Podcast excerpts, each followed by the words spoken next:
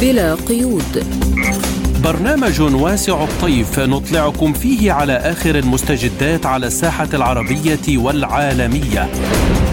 حصريا من إذاعة سبوتنيك. مرحبا بكم مستمعينا الكرام في كل مكان من استديوهاتنا هنا في موسكو إلى حلقة جديدة من برنامج بلا قيود. نقدمه لكم أنا فرح القادري. وأنا نغم كباس والبداية بأبرز العناوين. واشنطن تدعي أنها تتفاوض مع موسكو بشأن نظام كييف والاخيره تنفي. تصاعد الاحتجاجات في إيران وبايدن يقول سنحرر إيران قريبا. لبنانيون يطالبون بتعديل اتفاق الطائف. لازلتم تستمعون إلى برنامج بلا قيود. نبدأ تفاصيل من الشأن الأوكراني وادعاءات الولايات المتحدة بأنها تجري اتصالات دائمة مع المسؤولين الروس بشأن أوكرانيا وهو ما نفته موسكو. وقال مستشار الأمن القومي الأمريكي جيك سوليفان إن الولايات المتحدة تواصلت مع روسيا على مستوى عال للإبلاغ عن العواقب المحتملة لاستخدام موسكو للأسلحة النووية. بدوره علق المتحدث باسم الرئاسة الروسية دمتري بيسكوف على الأنباء والمعلومات المنشورة في الصحف الغربية بشأن وجود مفاوضات بين موسكو وواشنطن، حيث قال إن هذه الأنباء والمعلومات الواردة في وسائل الإعلام الغربية بشأن وجود مفاوضات بين مستشار الرئيس الأمريكي للأمن القومي جيك سوليفان ومساعد الرئيس الروسي يوري أوشاكوف هي كاذبة. ليس لدينا ما نقوله بشأن هذا المنشور. الصحف الأنجلو ساكسونية تنشر الكثير من الكذب. لذلك هنا تحتاج إلى الاتصال إما بالصحيفة أو بالبيت الأبيض. وللخوض أكثر في هذا الموضوع ينضم إلينا عبر الهاتف من دمشق المحلل السياسي الدكتور طالب إبراهيم.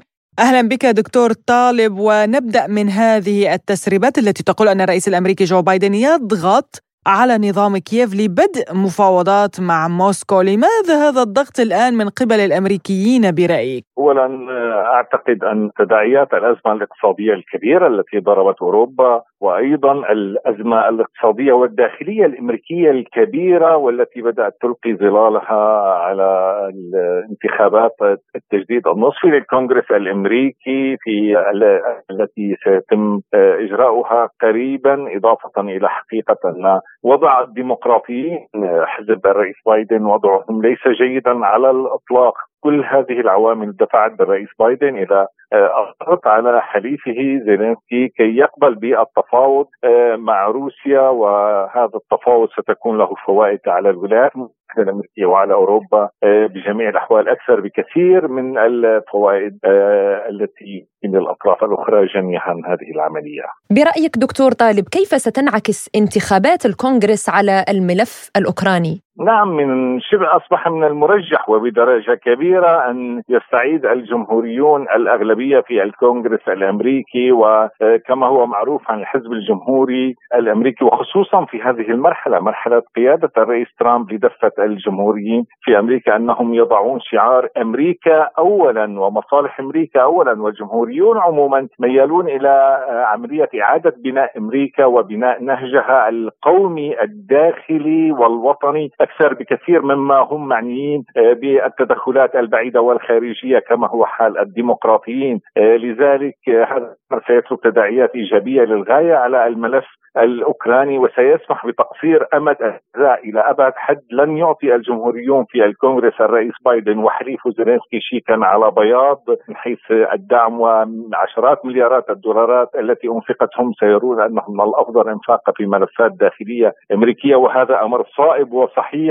كما أن الجمهوريين كما هو معروف يربطون بين تقديم أو بين دور الولايات المتحدة الأمريكية في الناتو ومساهمة باقي أعضاء الناتو بميزانيه الناتو اي أي أنهم لن يقدموا حماية بالمجان حتى لحلفائهم الأوروبيين. وهذا الأمر سيعقد كثيرا من دور الناتو في أوكرانيا وربما يضعفه ويشله وقد يوصله إلى هزيمة نهائية لذا نرى أن بايدن ومستشاروه هي يعني يحاولون الهرب إلى الأمام عبر هذه المفاوضات، لذلك قلت لك في البداية أن العملية التفاوضية ستكون أو مخرجات العملية التفاوضية ستعود بفوائد استراتيجية كبيرة على الأمريكيين أكثر بكثير مما هي على الأطراف الاخرى اي الروس والأوكرانيين والأوروبيين. طيب دكتور يعني هناك وسائل إعلام أمريكية منذ بضعة أيام تروج لأن هناك اتصالات بشكل يومي بين موسكو وواشنطن بخصوص أوكرانيا بينما الكريملين نفى هذه التسريبات. لماذا برأيك هذه الادعاءات الأمريكية اليوم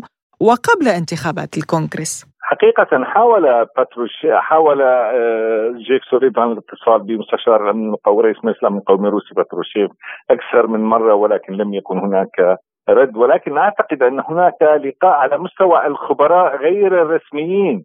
بين الجانبين بين روسيا والولايات المتحده الأمريكية. وهذا يعني أنه لا توجد مفاوضات فعلية ولكن يوجد جس نبض لذلك الأمريكيين سارعوا إلى رمي هذه الورقة في الإعلام بهدف آه، عملية جس النبض وربما هدف إحراج روسيا ودفعها إلى قبول بدء التواصل مع الأمريكيين خصوصا أن الروس لا يحبسون هذه الفكرة في الوقت الحالي مع وجود العقوبات ومع وجود نهج الروسوفوبيا، أعتقد أن القيادة الروسية ستبدأ تواصل مع الأمريكيين لكنها تريد أن تقبض ثمن بدء التواصل آه، مقدما. ثم هذه العملية التواصليه أو عملية التواصل والتفاوض الروسي الأمريكي المخرجات بصوره كاملة لمصلحة القيادة الروسية وهذا أمر آه، جيد جدا في اللعبة التفاوضيه مع السلامة. المحلل السياسي الدكتور طالب إبراهيم شكرا لك على هذه المداخلة. كنت معنا من دمشق. لازلتم تستمعون إلى برنامج بلا قيود.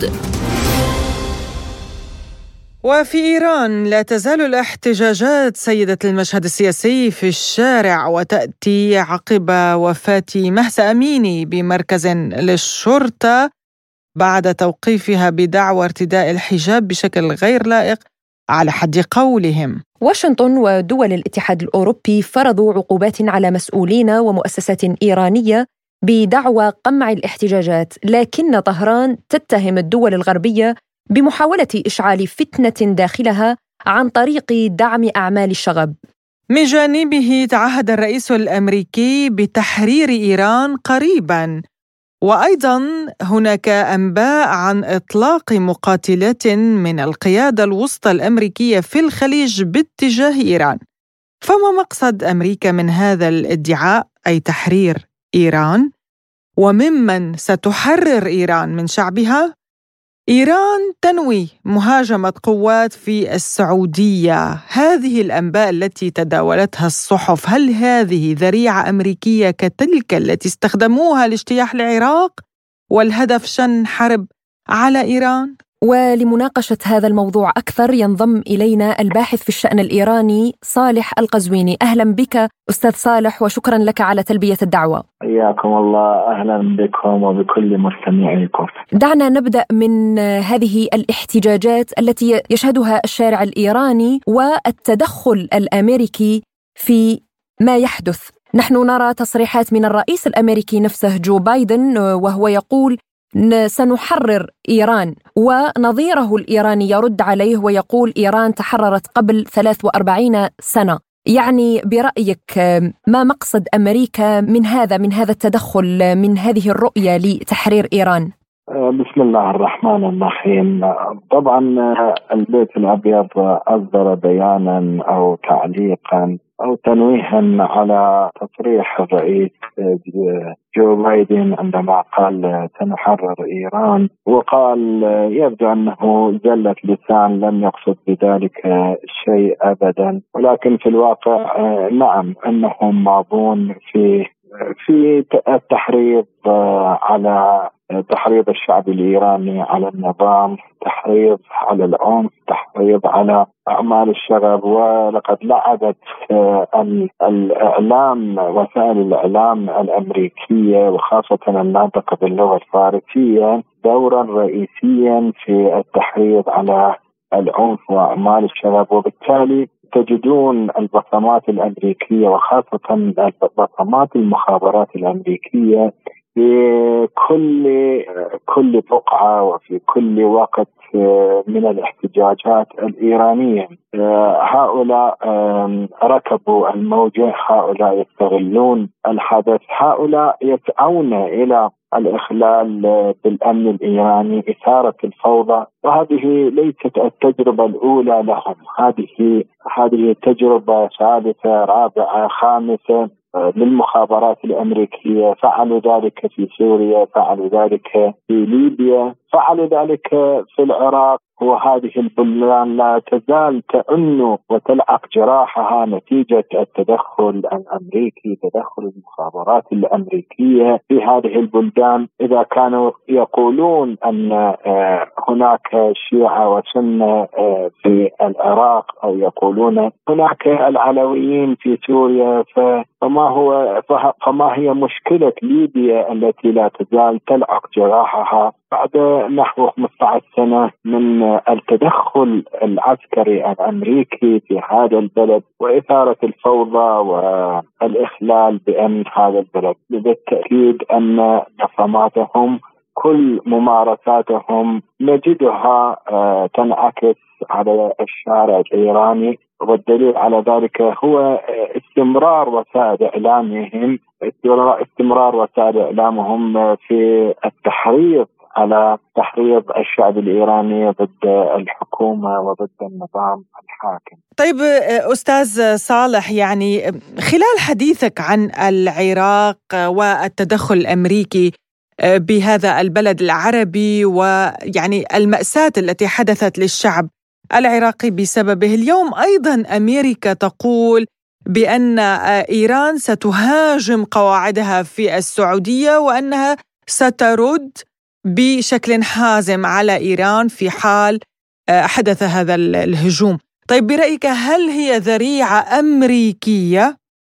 من أجل شن حرب على إيران على شاكلة ما حدث أثناء اجتياح العراق والذرائع اللي أظهرت أنها كاذبة فيما بعد؟ يعني إظهار أو تقديم الذرائع والاسباب ليست قضية قضية معقدة للغاية، رأينا كيف أن وزير الدفاع الأمريكي السابق قد أعلن أنه وجدنا وجدنا أن العراق يمتلك أسلحة الدمار الشامل هذه الأدلة وهذه البراهين وقدمها لوسائل الإعلام ثم بعد ذلك بعد أن بعد أن دمروا العراق قالوا قد أخطأنا لم نجد شيئا. فبالتالي آه، وجود آه، الذرائع أو تقديم الأداء الذرائع أو الإعلان عن وجود ذرائع. هذه القضية مخابرات أي دولة حتى الدول الصغر الصغرى بإمكانها أن أن أن تستخدمها ضد أي دولة أخرى.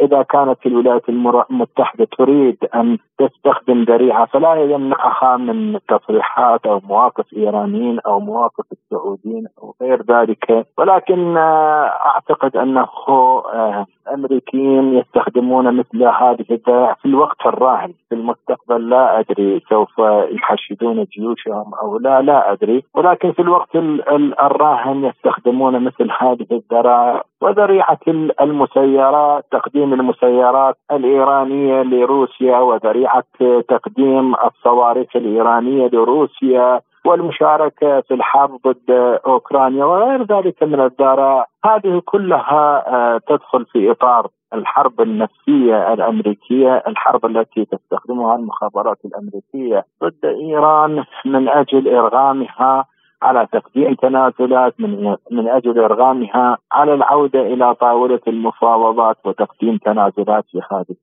المفاوضات. الخبير بالشأن الإيراني صالح القزويني كنت معنا عبر الهاتف من طهران، شكرا جزيلا لك على هذه المداخلة. لازلتم تستمعون إلى برنامج بلا قيود. وإلى لبنان أين لا يزال يعاني من أزمات اقتصادية حادة وأزمة سياسية مغلفة بمرحلة خطيرة من الفراغ الرئاسي حيث لا يزال هناك أصداء لطرح فكرة تعديل اتفاق الطائف فيما لم تطالب القوى السياسية بذلك بشكل علني. لماذا يطالب بعض اللبنانيين بتعديله وما إمكانية تحقيق هذه الخطوة في الوقت الراهن؟ نذكر هنا مستمعينا الكرام بأنه في عام 1989 وبعد 15 عاما من حرب أهلية طاحنة في لبنان شهدت مدينة الطائف السعودية على تفاهم لبناني عربي دولي أدى لتعديل النظام اللبناني وولادة وثيقة الوفاق الوطني أو ما بات يعرف باتفاق الطائف الذي أعلن قيام الجمهورية الثانية وفقا للشرق الأوسط. وحتى نناقش هذا الموضوع أكثر ينضم إلينا عبر الهاتف من لبنان الخبير الاستراتيجي الدكتور عمر المعربوني. أهلا بك دكتور.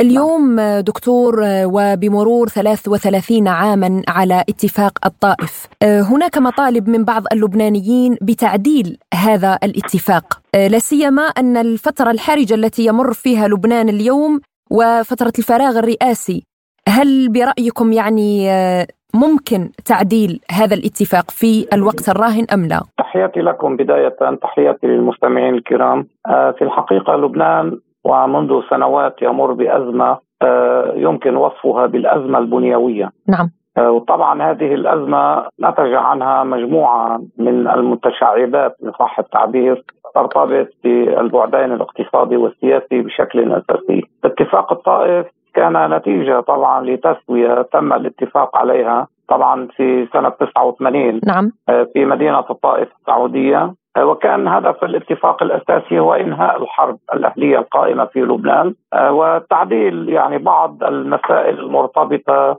بنظام الحكم آه، والذي أنتج للأسف نظام محافظة قضى على أي أمل يعني في مرحلة من المراحل بوجود دولة حقيقية لأنه في لبنان آه، النظام السياسي أو الطبقة السياسية ارتأت في مرحلة من المراحل ولا تزال يعني أن تكون ممارسة السلطة من خلال المحافظة نعم. الطائفية. والمذهبية التي أنتجت آه، وبالا كبيرا على الشعب اللبناني بشكل مباشر. تعايش اللبنانيون فترة طويلة مع هذا الاتفاق وبالتالي أخطر ما كان يعني من نتائج هذا الاتفاق هو الاقتصاد الريعي الذي ساد حتى اللحظة بديلا عن البعد الإنتاجي في الاقتصاد. لأنه تم تدمير الكثير من القطاعات الإنتاجية عبر السياسات المالية والاقتصادية والنقدية التي اعتمدت ولا تزال والتي سببت كارثة كبيرة وضعت يعني حالة لبنان بشكل عام على مخاطر وجودية وأنا طبعا رأيي وهذا رأيي الشخصي نعم. أنه مع انفجار مرفأ بيروت يعني الانفجار الذي حدث في مرفأ بيروت أعتقد أن لبنان الذي نعرفه انتهى إلى غير رجعة، وطبعا هذه ليست نظرة تشاؤمية ولا ترتبط لا بالتفاؤل ولا بالتشاؤم لأن لبنان يعني كما وصفه شار المالك وكما وصفه آه، العديد يعني من بناة النظام الاقتصادي السياسي آه، في لبنان آه، كان يرتكز على الاقتصاد الحر بركيزتين المصارف والمرفأ يعني كانت ركيزتي البنية الأساسية للبنان في البعد الاقتصادي قائمة على المصارف والمرفأ. وتم ضرب طيب هذه لبنان. المصارف والمرفأ. طيب لبنان لبنان عمليا بلا مصارف وبلا مرفأ. بالتالي أصبح يعني الموضوع آه، مرتبطا ببقاء هذا الكيان وجوديته. وهذا طبعا هذه وجهة نظري الشخصية أيضا. أعتقد أننا أمام أزمة من هذا النوع. هناك يعني آه، حلين لا ثالث لهما. إما الجلوس على طاولة المفاوضات يعني التي يجب أن يجلس عليها كل القوى والأطراف السياسية المعنية في لبنان للخروج بمؤتمر تأسيسي يعني الآن هذا الحراك لإبقاء الطائف قائما وموجودا هو رد على آه، دعوة البعض للذهاب إلى مؤتمر تأسيسي يعيد تعريف لبنان وتعريف وظيفته لأنه كما قلت الوظيفتين الأساسيتين نعم. آه، التي كانتا. يعني مناطتان بلبنان المصارف والمرفأ عمليا فقد لبنان هاتين الوظيفتين آه، وبالتالي يجب التفتيش آه، مرة جديدة عن حلول تبقي لبنان قائما ككيان وذلك لا يمكن أن يتم إلا من خلال تعريف جديد للبنان وللنظام السياسي اللبناني وللنظام الاقتصادي اللبناني. وبالتالي أعتقد أننا في هذا الحل يمكن أن ننقذ لبنان ككيان قائم آه، وموجود. طبعا الحل الثاني وهو حل يعني نظري إلى حد كبير هو عودة لبنان إلى الجغرافيا الأم إلى سوريا الطبيعية آه، بشكل آه، أو بآخر. وهذا طبعا متعذر. وبالتالي تبقى مسألة المؤتمر التأسيسي أو فليسموه ما يشاءون يعني هو أيوة. المادة الرابعة من اتفاق الطائف أنه العلاقات المميزة بين لبنان وسوريا. ف يعني إلى حد ما هذه المادة في الوقت الراهن غير موجودة من هذا الاتفاق. لبنان في الحقيقة سيدتي هو يعيش حالة انقسام خطيرة. نعم. وهذا الانقسام هو انقسام عمودي يعني للأسف الشديد يحمل في طياته الكثير من المخاطر مخاطر الصدام مخاطر الحرب الأهلية. إلى ما يعني ما يتتبع ذلك صح التعبير. وهنا أود يعني أن أشير إلى أن الطائف عمليا جاء بنتيجة تفاهم بين الولايات المتحدة الأمريكية والمملكة العربية السعودية وسوريا. طيب مع خروج القوات السورية من لبنان بدأ يعني الشرخ الحقيقي في اتفاق الطائف. يعني أحد الضامنين الثلاثة وهو الجمهورية العربية السورية عمليا لم يعد لها تأثير في هذا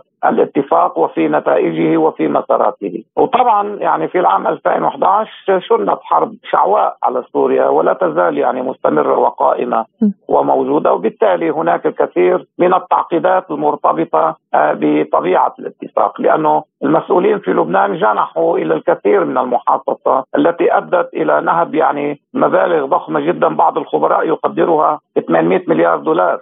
وهي مبالغ ميزانيات خيالية خيالية ده. أدت إلى هذا الانهيار القائم. يعني الآن آه، البنوك معطلة. آه، أموال المودعين نهبت. الدولة يعني بكل قطاعاتها منهوبة. آه، وهذه السلطة السياسية للأسف الشديد هي نفسها آه، الكومبرادور والبرجوازية الكبيرة يعني في الاقتصاد. يعني أصحاب الشركات الكبرى حركة السوق إن صح التعبير ترتبط بهؤلاء. يعني آه، في مثل بلبنان وبالشرق بشكل عام يقول يعني حاميها شديد. يعني في لبنان حاميها هو حراميها. وهذه مسألة طبعا بتقديري بنتيجة الوقائع الموجودة حاليا والواقع الموجود حاليا. لا يعني أجد أنها ممكن أن تتجه إلى الحل لأن الطبقة السياسية ذاتها المهيمنة على الاقتصاد والمهيمنة على المقدرات لا ترغب يعني في الحقيقة بإيجاد حلول وإلا ستكون هذه الحلول على حساب مصالحها التي عملت على تثبيتها منذ آه، عقود. طيب دكتور عمر يعني ماذا يمثل برأيك اتفاق الطائف اليوم وكيف ينعكس على استقرار لبنان؟ هل هو ساهم بالفعل بشكل أو بآخر بتوافق بين جميع الأطياف اللبنانية.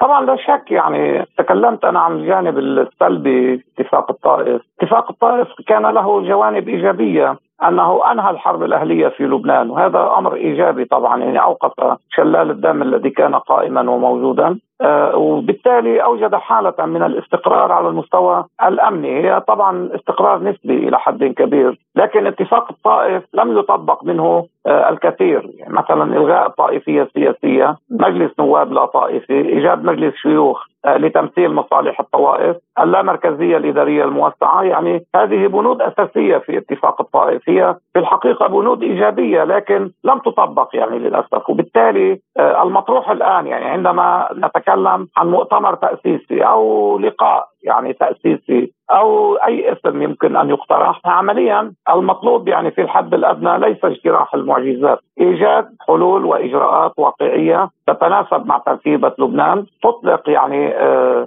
العنان لهذه البنود التي تضمنها الطائف. وبالتالي البعض في لبنان يقترح تعديلات على الطائف. يعني آه المطلوب الآن هو لقاء ومؤتمر لتحديد وتعريف وظيفة لبنان الجديدة. بعد كل يعني الصراعات الحاصلة في المنطقة، العالم يتغير والإقليم أيضا يتغير ولبنان تغير وبالتالي لا يمكن آه، محاكاة آه، أو الاستجابه للتهديدات القائمة والموجودة آه، برؤى وإجراءات يعني قديمة وبالتالي يمكن يعني اختصار هذه المعاناة إن صح التعبير بالقول أن لبنان يعني يعيش أزمة كما قلت في بداية المداخلة هي نعم. أزمة بنيوية بامتياز لا يمكن الخروج منها إلا بتفاهمات جدية وحقيقية وصادقة وهذا للأسف من وجهة نظري أمر متعذر. يعني كون الطبقة السياسية الحالية هي نفسها الطبقة أو الفئة التي أنتجت هذه الأزمة البنيوية وبالتالي طبعا تعرفين تركيبة لبنان نعم. هي تركيبة طائفية. آه، في لبنان لا يوجد مواطنة آه، مواطنين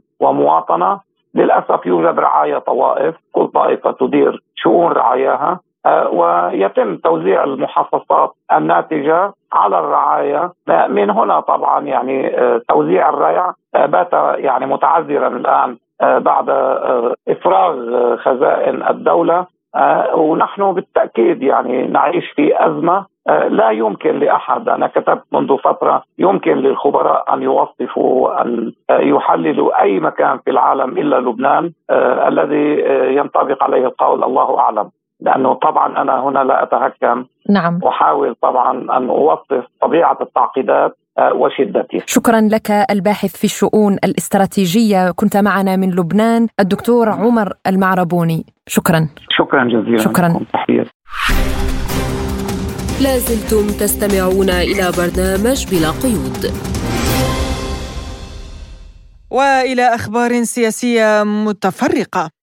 أكد الممثل الأعلى للسياسة الخارجية في الاتحاد الأوروبي جوزيب بوريل أن المفاوضات النووية مع إيران لا تسير بالاتجاه الصحيح وأن مواقف الأطراف لا تتلاقى بعد مشددا على أن إيران يجب أن تنخرط مع الوكالة الدولية للطاقة الذرية بشكل بناء. كشف استطلاع جديد للرأي أجرته رويترز إبسوس أن شعبية الرئيس الأمريكي جو بايدن انخفضت إلى 39% مما يعزز الآراء بأن الديمقراطيين سيواجهون مصاعب كبيرة في انتخابات التجديد النصفي في الكونغرس. وصفت جماعة أنصار الله الوضع في اليمن بالقنبلة الموقوتة، إذ قال رئيس المجلس السياسي الأعلى المشكل من جماعة أنصار الله اليمنية مهدي المشاط أن الولايات المتحدة هي التي أفشلت تجديد هدنة الأمم المتحدة في اليمن واصفا مبعوثها بأنه بوم شؤم وأن وضع الهدنة هو كالقنبلة الموقوتة فلسنا في هدنة ولسنا في حرب. مؤكدا أنه في حالة اللا سلم واللا حرب نتيجة المستجدات الأخيرة ووصول بعض أطراف دول العدوان إلى قناعة بأنها خاسرة. أفاد مكتب الأمن الفيدرالي الروسي أنه تم اعتقال تسعة مخربين من جهاز الأمن الأوكراني كانوا يخططون لهجمات إرهابية ضد أعضاء رفيعي المستوى في الإدارة الإقليمية في مقاطعة خرسون وقال الأمن الفيدرالي الروسي تم الكشف عن أنشطة مجموعة التخريب والاستطلاع التابعة لوحدة أمن الدولة التي تضمنت مهامها ارتكاب أعمال إرهابية ضد كبار أعضاء الإدارة العسكرية المدنية لمقاطعة خرسون وتم اعتقالها. علق حزب الله اللبناني على فوز اليمين المتطرف بقيادة رئيس الوزراء السابق بنيامين نتنياهو في انتخابات الكنيست العامة الأسبوع الماضي حيث قال عضو المجلس المركزي في حزب الله حسن البغدادي إن فوز اليمين المتطرف في انتخابات الكنيست لن يمس بمعادلة ترسيم الحدود البحرية بين لبنان وإسرائيل. تعهد ولي العهد السعودي محمد بن سلمان بضخ ثلاثة مليارات دولار في السودان في إطار مشروعات صندوق الاستثمارات العامه السعودي تليها دفعات أخرى فيما وصف رئيس مجلس السياده الانتقالي السوداني عبد الفتاح البرهان العلاقات بين بلده والمملكة بالاستراتيجية. قال رئيس الوزراء الباكستاني السابق عمران خان إن الصحفي الباكستاني البارز أرشد شريف الذي قتل في كينيا في أكتوبر تشرين الأول كان يعمل على فضح مؤامرة الاغتيال المزعومة ضده موضحا أن إرشد شريف أحد أفضل الصحفيين الاستقصائيين في باكستان واغتيل في كينيا قبل أسبوعين وأن هذا الرجل كان يفضح هذه المؤامرة ضدي وتمت ملاحقته خارج باكستان. أعلن المبعوث الخاص للرئيس الروسي إلى منطقة الشرق الأوسط ودول أفريقيا نائب وزير الخارجية ميخائيل بوغدانوف استعداد موسكو لأن تكون وسيطا في اتصالات إيران مع السعودية لتسوية الخلافات مؤكدا أنه يجب حل المشاكل الحالية عبر الحوار. وقال بوغدانوف ردا على سؤال من وكالة سبوتنيك للتعليق على تصعيد العلاقات بين الرياض وطهران قائلا نحن على اتصال مع أصدقائنا السعوديين والإيرانيين ونؤيد حل جميع التناقضات وسوء الفهم المستجد على طاولة المفاوضات في إطار حوار بناء. لقد كنا دائما مستعدين ونبذل بالفعل جهودا للعب دور وساطة معينة إذا طالب به أصدقاؤنا في كل من الرياض وطهران. لازلتم تستمعون إلى برنامج بلا قيود. وفي الاقتصاد أعلن الديوان الجزائري المهني للحبوب عن مناقصة دولية لشراء خمسين ألف طن من القمح الغذائي. ووفقا لشروط التسليم يجب أن يتم تسليم الحبوب في الفترة ما بين نوفمبر الجاري إلى ديسمبر من هذا العام فهل تكون هذه الصفقة من القمح الروسي؟ وعلى الجانب الآخر الهيئة العامة للسلع التموينية في مصر تلغي ممارسة دولية لشراء القمح حيث قالت الهيئة العامة للسلع التموينية مشتري الحبوب الحكومي في مصر إنها ألغت ممارسة دولية لشراء القمح للشحن في الفترة ما بين الخامس عشر والثلاثين من ديسمبر كانون الأول المقبل والأول والخامس عشر من كانون الثاني من عام 2023 وأضافت أن الأسعار المعروضة على أساس تسليم ظهر السفينة أو على أساس التكلفة والشحن كانت أعلى من الأسعار المتوقعة وقال متعاملون إن هيئة السلع التموينية طلبت من الموردين خفض عروضهم إلى 360 دولارا على أساس التكلفة والشحن خلال المفاوضات لكن التجار رفضوا الطلب. حول هذا الموضوع قال الخبير بالعلاقات الدولية الدكتور أيمن سمير لبلا قيود المؤكد إن مصر بتفضل العلاقة الاقتصاديه والتجارية مع روسيا والاتحاد الروسي ليس فقط منذ الآن أو حتى في ظل الحرب الروسية الأوكرانية لكنها منذ أيام الاتحاد السوفيتي. مصر في طبقا لكل الأرقام والإحصائيات هي أكبر مستورد في العالم للقمح وبالتالي علاقتها مع روسيا هي علاقة وطيدة باعتبار أن روسيا من أكبر منتجي ومصدري القمح في العالم. يضاف إلى كل ذلك أن صادرات القمح الروسية لها ميزة خاصة بالنسبة للمصريين أو ميزتين. الميزة الأولى تتعلق بالسعر ومعروف إن سعر القمح والشعير والحبوب الروسية والأسمدة الروسية سعرها أقل بكثير من نظيرتها في بقية دول العالم بما فيها حتى دول الاتحاد الأوروبي ناهيك عن جودتها. الميزة الأخرى أن يعني شحن هذه الحبوب يأتي أو كان يأتي غالبا من البحر الأسود وهو قريب جدا من الشواطئ المصرية والموانئ المصرية وبالتالي تكلفة الشحن والنقل أقل بكثير مما هو موجود مثلا في بعض الدول في الاتحاد الأوروبي. لذلك من الطبيعي جدا أن مصر تلغي بعض الصفقات الخاصة بالحبوب مع الاتحاد الأوروبي وتفضل شراء القمح الروسي. طبعا عندما اندلعت الحرب الروسية الأوكرانية وكان هناك نوع من عدم اليقين في حصول مصر على القمح الروسي كان من الطبيعي جدا وباعتبارها أنها أكبر دولة تستورد القمح في العالم أن تبحث عن أسواق أخرى وهذا كان شيء طبيعي. لكن أعتقد الآن بعد مرور ما يقرب من 8 شهور على هذه الحرب ربما مصر وروسيا وجدتا طريق مشترك يمكن من خلاله استئناف أو استمرار أو استدامة توريد القمح الروسي إلى إلى مصر وهذا يأتي في ظل العلاقة الوطيدة الاقتصادية المتميزة جدا ما بين مصر وروسيا. رغم الحرب ورغم العقوبات ورغم الحصار الاقتصادي الغربي والأمريكي على روسيا لكن روسيا استمرت والتزمت بمشروعاتها التي تنفذها مع الدولة المصرية بما فيها مشروع الضبع العملاق وهو حلم مصري منذ الستينات. أيضا روسيا تستمر في المنطقة الاقتصادية الروسية في منطقة قناة السويس أو في محور قناة السويس. أيضا التجارة البينية عبر الموانئ الروسية خارج البحر الأسود أيضا ما زالت مستمرة وتعمل كما هو معتاد.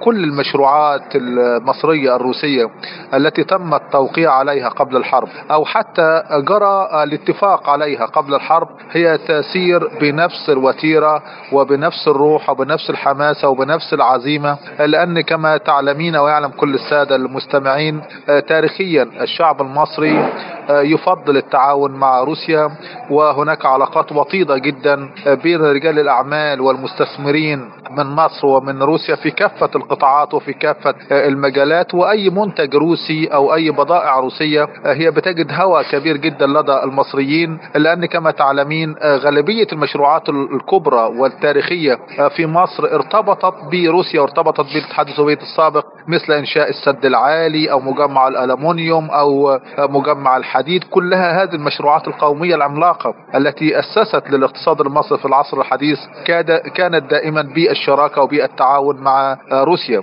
لذلك في تقديري إلغاء بعض الصفقات صفقات القمح مع الاتحاد الأوروبي هو سوف يكون لصالح عودة واستئناف واستدامة الصادرات الروسية من الحبوب ومن القمح والأسمدة إلى مصر.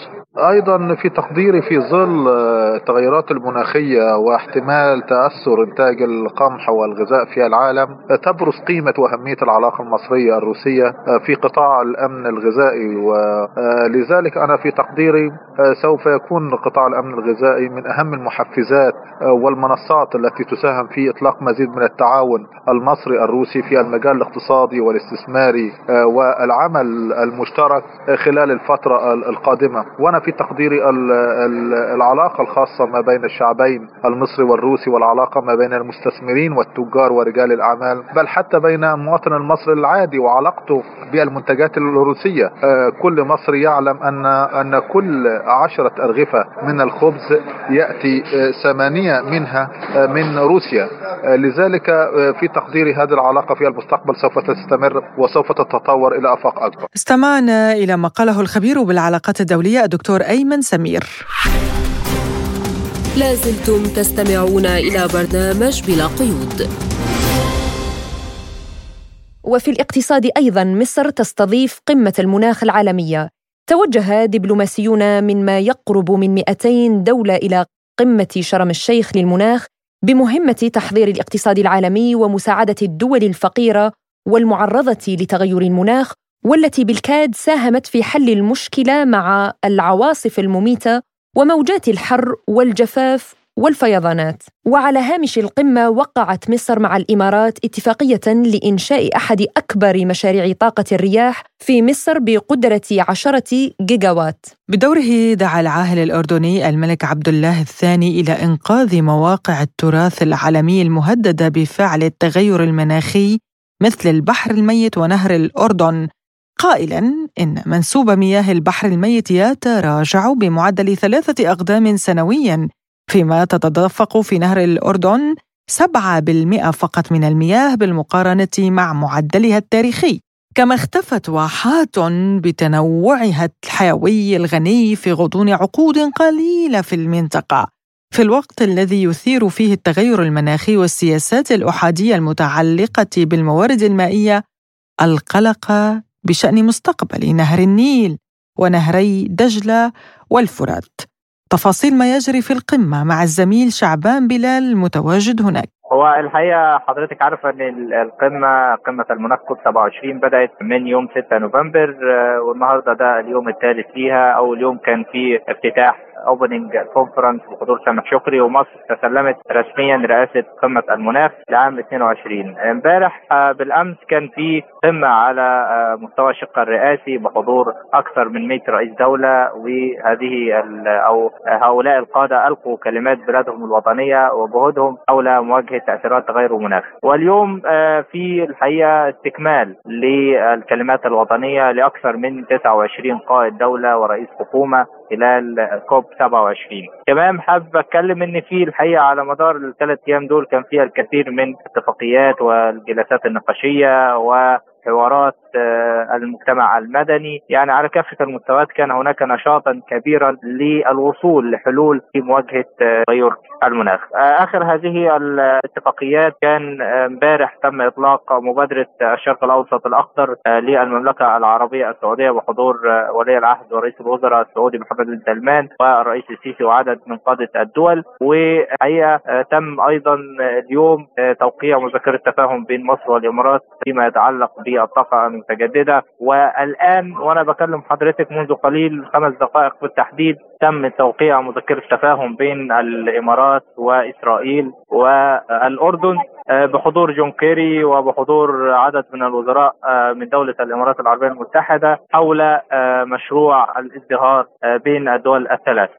القمة مستمرة في أجواءها للوصول إلى نتائج حوارات نقاشية سواء في المنطقة الزرقاء أو المنطقة الخضراء. مصر نجحت بصراحة في تنظيم أكثر من رائع بشهادة الجميع إنها انها تخرج بشكل قمه مناخ غير مسبوقه، مصر خلال هذه القمة تسعى ومن خلال رئاستها لهذه الدورة تسعى إلى التحول من الالتزامات والتعهدات إلى تنفيذ هذه الالتزامات والتعهدات، لنا نعلم جميعا أن الدول الكبرى تساهم بنسبة كبيرة جدا في مسببات تغير المناخ سواء الانبعاثات الكربونية أو غيرها، وبالتالي مصر تسعى من خلال هذه الدورة أو هذه الرئاسة للقمة إنها تلزم الدول الكبرى بتمويل الصناديق الخاصة بمجابهه تغير المناخ أو التكيف أو التخفيف من تأثيرات تغير المناخ وهذه الالتزامات تبلغ 100 مليار دولار سنويا تقدم إلى هذه الصناديق لإنفاقها على مشاريع في الدول النامية خاصة الدول الإفريقية. على مدار الفترة اللي فاتت ومنذ اتفاق باريس ثم جلاسكو المناخ في جلاسكو لم لم تنجح الدول أو لم تلتزم الدول الكبرى بالتزاماتها البالغة 100 مليار دولار سنويا ونحن الآن في قمة المناخ على مدار أكثر من 13 يوم بنسعى لتنفيذ هذه الالتزامات ويعني دفع الدول الكبرى بالوفاء بالتزاماتها. النهارده اليوم الثالث الحقيقة في نقاشات كبيرة في الأجنحة الخاصة بكل الدول، مشاركة كبيرة جدا من الدول الإفريقية بصورة يعني مكثفة لأن القارة الإفريقية يعني متعشمة من خلال هذه القمة في إن يتم دعمها لمواجهة تغير المناخ خاصة أنها لا يعني تساهم سوى إلا ب 3% من مسببات تغير المناخ فيما هناك 20 دولة كبرى تساهم بأكثر من 80% مشاركة كبيرة جدا من دول عربية. شايفين دولة الإمارات تساهم بأكبر جناح في القمة. المملكة العربية السعودية باقي الدول العربية أيضا والأجنبية. مشاركة كبيرة جدا من الدول الأوروبية. شايفين جميع الدول الأوروبية موجودة بأجنحة الخاصة بها.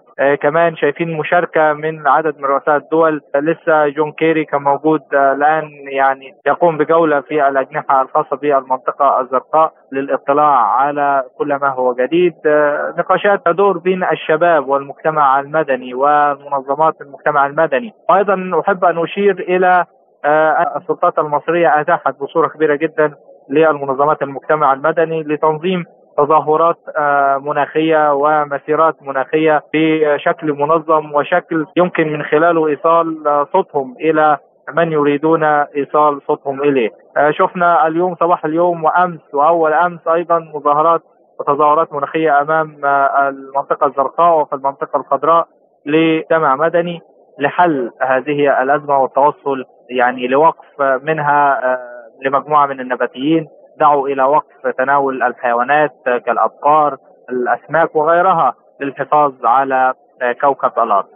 إذا كان هناك استفسار زميلتي مع حضرتك. استمعنا إلى ما قاله الزميل شعبان بلال المتواجد في قمة مصر للمناخ هذا وأكد الدكتور محمود محيي الدين رائد المناخ للرئاسة المصرية لمؤتمر المناخ في شرم الشيخ أن أفريقيا تساهم حتى الآن بنحو 3% فقط في الانبعاثات الكربونية. لكن هذا لن يستمر طويلا لأن دول وشعوب القارة لديها مشكلاتها ولديها تطلعاتها الخاصة بتحسين مستوى المعيشة وتوصيل الطاقة لكل الأفارقة وهو ما قد يزيد من الانبعاثات الكربونية ما لم يتم التعامل بجدية مع اهتمام أفريقيا بالتحول الأخضر. وعلى هامش القمة انطلقت النسخة الثانية من قمة مبادرة الشرق الأوسط الأخضر برئاسة مشتركة بين ولي العهد السعودي الأمير محمد بن سلمان والرئيس المصري عبد الفتاح السيسي إذ أطلق الأمير محمد مبادرة الشرق الأوسط الأخضر حيث ستخصص المملكة لها مليارين ونصف المليار دولار. ولمناقشة هذا الموضوع ينضم إلينا من القاهرة الدكتور مجدي علام مستشار برنامج المناخ العالمي وأمين عام اتحاد خبراء البيئة العربية. أهلا بك دكتور مجدي.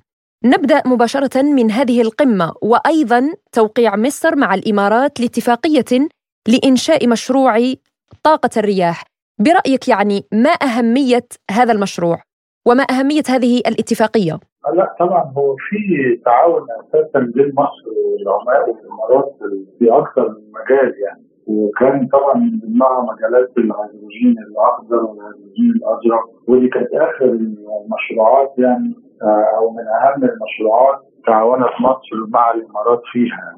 وجزء آخر طبعا إنه الإمارات مشاركة مع مصر في أكثر من نشاط داخل جمهورية مصر العربية في مجموعة مصانع وفي مجموعة يعني في الساحل الشمالي مجمع كبير جدا لكومباوند كبير للإمارات معمول في أحسن حتة في العالمين بعد العمارات الجديدة بتاعت العالمين مدينة العالمين الجديدة اللي أنشأها الرئيس السيسي وأيضا الإمارات تعاونت مع مصر أيضا في إنشاء الأبراج العالية اللي موجودة في مدينة العالمين الجديدة.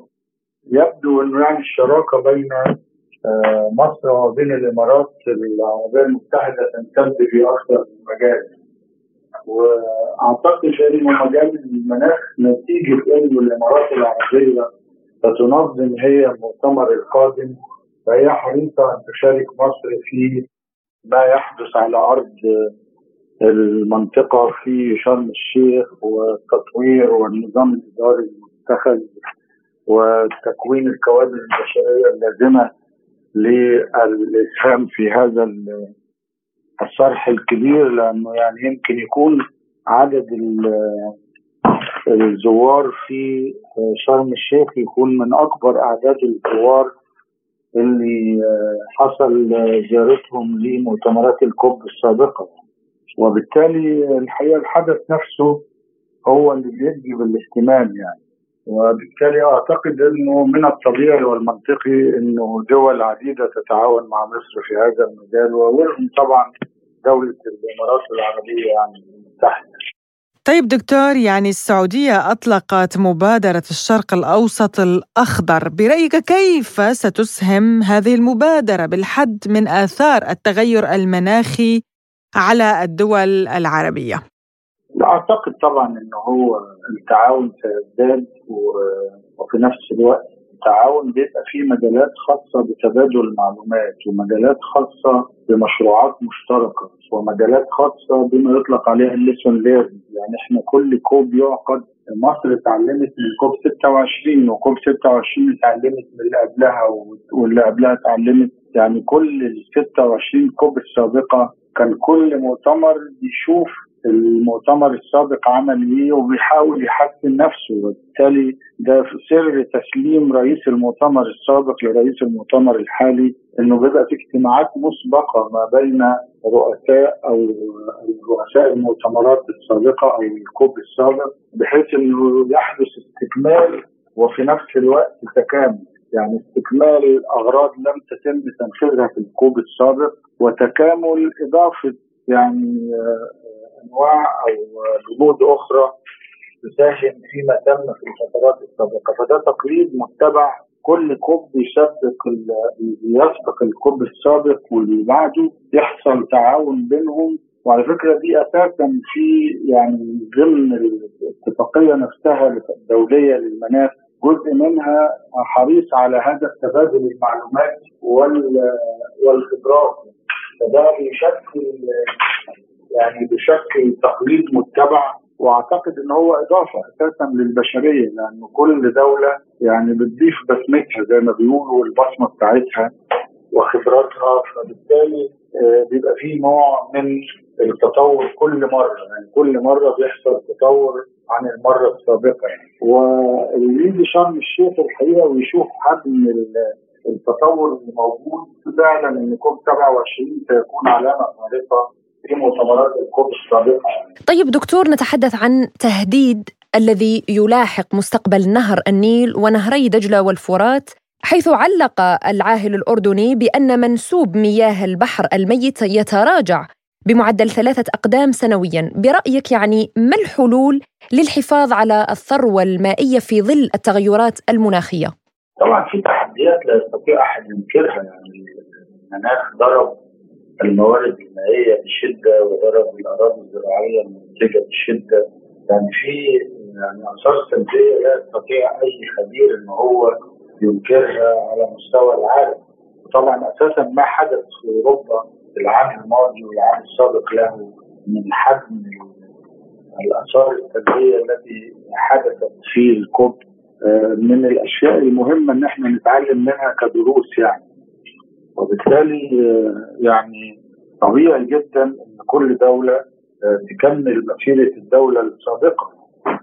وأعتقد أيضا إنه مهم إنه الدول كلها تتعاون ويبقى كمان المفروض يبقى في روتين كده إنه لا تحتكر قاره الكوب يعني يبقى في تبادل لكل القارات بالتساوي لأنه يعني وجود الكوب في أي بلد آه، بيبقى ليه تأثير إيجابي وبيبقى ليه توعية أكثر للمنطقة المحيطة ويبقى ليه فايدة أكثر في التعاون بين هذه الدول الاقليميه في مشروعات مشتركة. فنتمنى إنه يبقى في فعلا يعني ما يطلق عليه دوران الكوب يعني يعقد آه، كل مرة في آه، منطقة جديدة بحيث إن كل المناطق يمر عليها الكوب دوريا يعني. طيب دكتور مجدي يعني ما أهم المشكلات التي تواجهها الآن شعوب القارة الأفريقية بما في ذلك مصر يعني وبحاجة حلول آه، ملحة؟ طبعا قارة أفريقيا يعني قارة مسكينة وهي الحقيقة يعني تأثرت دون أن يكون لها ذنب. فهي تأثرت بشدة دون أن يكون لها ذنب وهذا التأثر يعني يمكن ما خلاش جزء في أفريقيا. لكن طبعا في مناطق شديدة التاثر زي مثلا الصومال اللي هي يعني حوالي ست دول أفريقية آه، اللي هم يعتبروا في جنوب الصحراء الأفريقية. وفيها طبعا داخل تشاد وداخل النيجر وداخل عده دول يعني في ما لا يقل عن ثمان دول آه، أفريقية تأثرت بشدة في موضوع المناخ إحنا عندنا امل انه يعني قاره أفريقيا التي تضررت ولم تضر يعني جينا يوم إنها يعني فعلا فيها على الأقل ربع التقدم اللي حصل في أوروبا، طبعا أوروبا تقدمت بحجم ضخم من الانبعاثات غازات الاحتباس الحراري. وأفريقيا تضررت من غازات الاحتباس الحراري التي يعني تسببت فيها أوروبا. فنأمل يعني إنه قريبا نستطيع إنه أفريقيا على الأقل تستفيد شوية من زي ما بيقولوا مكاسب أوروبا التي استمرت على مدار 500 سنة وتسببت فيها فيما يطلق عليها ظاهره الاحتباس الحراري. فنفسنا بقى أوروبا مرة يعني آه يعني تقول والله خلوا أفريقيا تستفيد شوية. كون ان أفريقيا هي البلد مستقبلة لهذه الاعداد بلا ذنب لها فعلى الأقل يعني نأمل إن يبقى في منح ويبقى في technical assistance ودعم فني ويبقى في يعني حتى تدريب للكوادر المعنية. لأنه مش معقوله يا جماعة يعني حتى unfair يعني إن قارة تستأثر بكل المكاسب وساعة لما تيجي الأضرار اللي هي تسببتها تقول نشارك بعض، ما شاركناش بعض ليه وإحنا يعني بناخد الدخل وبناخد ده من أول البهارات لو تفتكري يعني أوروبا كانت أساسا بتحتكر احتلت الهند عشان تاخد البهارات والشاي شكرا لك الدكتور مجدي علام مستشار برنامج المناخ العالمي وأمين عام اتحاد خبراء البيئة العربية على هذه المداخلة. لازلتم تستمعون إلى برنامج بلا قيود. وإلى أخبار اقتصادية متفرقة إذ أعلن الرئيس المصري عبد الفتاح السيسي أن مصر تطلق المرحلة الأولى لإنتاج الهيدروجين الأخضر بالعين السخنة. كما أعلنت تدشين المنتدى العالمي للهيدروجين المتجدد والتي تهدف إلى الحوار الدائم والمستمر بين المؤسسات والهيئات المعنية بهذه القضية والتجارة فيها. ترى وزارة الخارجية الروسية أن بإمكان روسيا وأفريقيا الخروج بأجندة مشتركة في إطار منظمة الدول المصدرة للنفط اوبك وفي إطار منتدى الدول المصدرة للغاز قال رئيس الأمانة العامة لمنتدى الشراكة الروسية الأفريقية أليغ أزيروف إن البلدان الأفريقية تمثل ما يقرب من نصف المقاعد في منتدى الدول المصدرة للغاز وفي اوبك ويمكن لروسيا وأفريقيا العمل في هذه المنظمات بأجندة مشتركة لدعم الاستهلاك المحلي وإعادة تهيئة سوق الهيدروكربونات الحالي وآليات التسعير الجارية وذلك بغرض مصالح الدول والمستهلكين. لازلتم تستمعون إلى برنامج بلا قيود.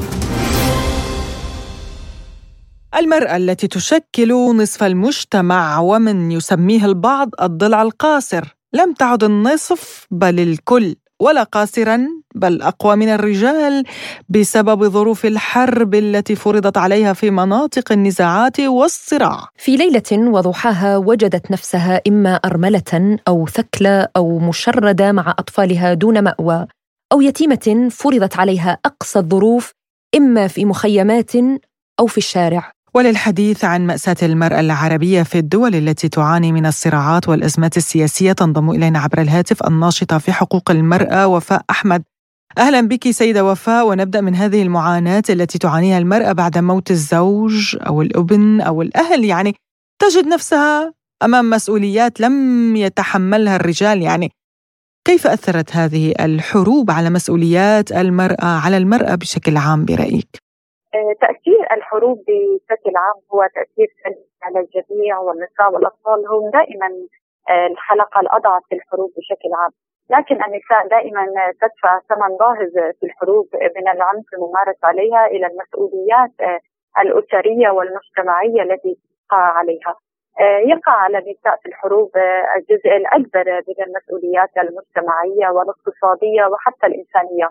وتصبح النساء والفتيات ناشطات بشكل كبير لتأمين سبل العيش وتفادي الأزمات التي تخلفها هذه الحروب من فقدان نفسي وعاطفي واقتصادي فهي تؤدي مسؤوليات متعددة ومضاعفة في ذات الوقت. لكن رغم ما تؤديها النساء من مهام ومسؤوليات للأسف وهي مسؤوليات كبيرة آه، توازي مهام الرجال ورغم التغيير الكبير في الأدوار الاجتماعية لكن لا تزال هناك نظرة مقتصرة تجاه النساء آه، قائمة على عدم المساواة بين الجنسين. وتعود نظرة المجتمع نحو المرأة إلى ما كانت عليه قبل الحرب. رغم كل معاناتها ورغم كل فقدانها العاطفي والمادي والاقتصادي وحتى المسؤوليات الملقاة على عاتقها. آه، لكن آه، رغم ذلك آه، لابد لنا أن نقول أو نؤكد دائما على دعم وتمكين النساء في مناطق الحروب. تحتاج النساء دائما إلى المساعدة في رفع هذه المسؤوليات التي تقع عليها من مسؤوليات عاطفية ونفسيه واقتصاديه لتحقيق وتحقيق المساواة ونيل حقوقها التي تستحق لأن النساء هم دائما مصدر الحب والسلام وهم أساس بناء المجتمعات وأمنها وأمانها ومصدر التغيير الإيجابي. طيب أستاذة وفاء يعني لاحظنا خاصة بعد الحروب المتاجرة بالمرأة واستغلال حاجتها لدفعها إلى كسب المال بطرق غير أخلاقية، كيف أثر هذا على المرأة وكيف يمكن حمايتها من الاستغلال؟ هلا هذا نحن ضمينا الكلام آه، تجارة آه، الإتجار في وضع المرأة الاقتصادي هذا أولا آه، وكل ذلك يندرج تحت بند العنف الممارس ضد النساء. حيث تتعرض النساء لكثير من العنف بدءا من عدم المساواة في فرص العمل والتعليم رغم أنها في هذه العنف هو ممارس قبل فترات الحروب ولكن هذا تأثير آه، برز تأثير هذه النقاط في فترات الحروب حيث تتعرض النساء في كثير من الأحيان إلى الابتزاز وحتى المتاجرة آه، من الناحية الجسدية أو النفسية أو من كل النواحي، لكن رغم ذلك لا تزال بعض النساء لا لا تخنع لهذه المساومات وهذه الابتزازات. ولا تزال النساء آه، آه، تقوم بمهامها آه، كربة أسرة كعاملة في كل المجالات من أجل هدف واحد وهو أطفالها وأسرتها ومجتمعها بشكل عام. وكما نقول المرأة هي النصف الآخر للمجتمع السيدة وفاء أحمد الناشطة في حقوق المرأة. كنت معنا عبر الهاتف. شكرا جزيلا لك على هذه المداخلة. وبملف معاناة المرأة وتحديات ظروف الحروب التي وقعت فيها نصل وإياكم مستمعينا الكرام إلى ختام حلقة اليوم من برنامج بلا قيود. قدمناها لكم أنا فرح القادري. وأنا نغم كباس ولا تنسوا متابعتنا على قناتنا في تليجرام وأيضا موقعنا الإلكتروني سبوتنيك dot ae إلى اللقاء, اللقاء.